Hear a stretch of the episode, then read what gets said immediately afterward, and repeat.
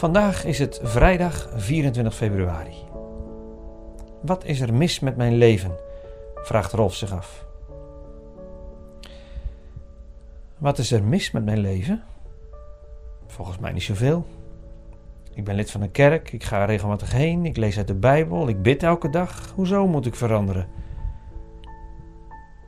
Als je niet weet waarom je zou moeten veranderen, kom je natuurlijk niet in beweging.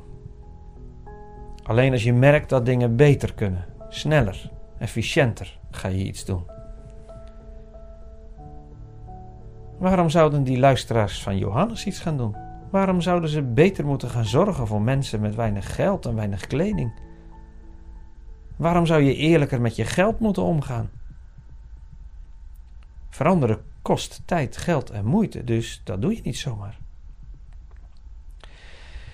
Ja, als je naar jezelf kijkt, kun je misschien nog behoorlijk tevreden zijn met je manier van leven en zie je geen noodzaak om te veranderen. Maar dat wordt anders als je weet dat de Verlosser eraan komt. Want dat is het grote nieuws. De mens waarnaar je zo lang hebt uitgekeken en verlangd, komt eraan. Hij maakt alle dingen en alle mensen nieuw. Hij zal de duivel verslaan en de macht grijpen.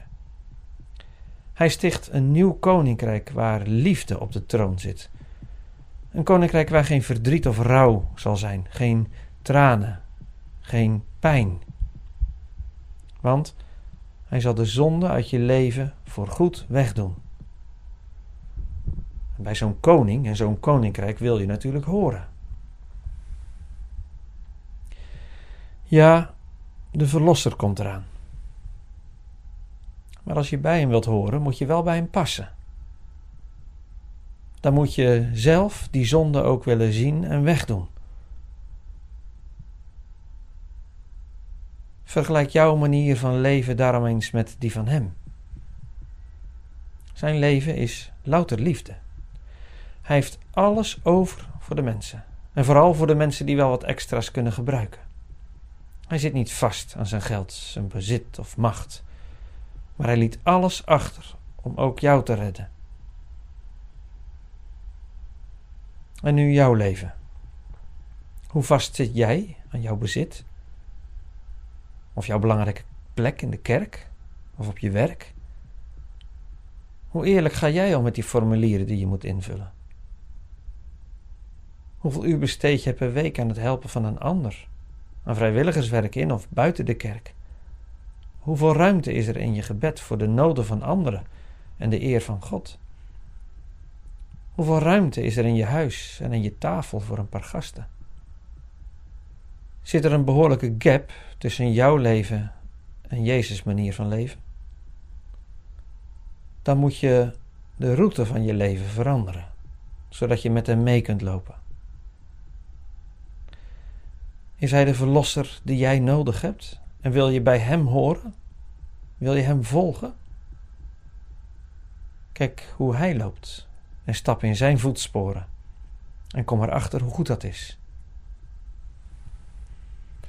Oh ja, en kijk niet alleen naar buiten, naar mensen die je kunt helpen, maar kijk vooral ook eerst naar binnen, naar jezelf. Wees eerlijk en vraag je af: waarom ben ik steeds uit op meer geld of macht? Waarom houd ik mijn geld zo krampachtig voor mezelf? En geef ik maar mondjesmaat aan goede doelen? Wat zit daarachter? Ben ik niet zeker van Gods trouw? Heb ik toch nog wat extra geld en zekerheid naast Hem nodig? Weegt mijn eigen veiligheid zwaarder dan die van de asielzoeker?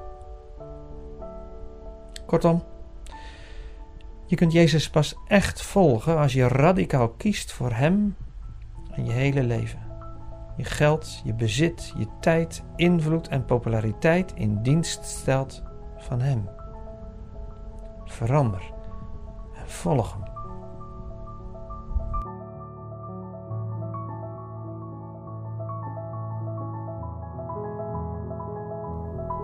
Leuk dat je luistert naar 40 dagen hier en nu. De podcast die je wil helpen om Jezus te volgen in jouw hier en nu. Wil je meer weten over deze podcastserie? Ga naar 40dagenhierennu.nl. Voor de Bijbelteksten in deze podcast gebruiken we de MBV 21 van het Nederlands-Vlaams Bijbelgenootschap.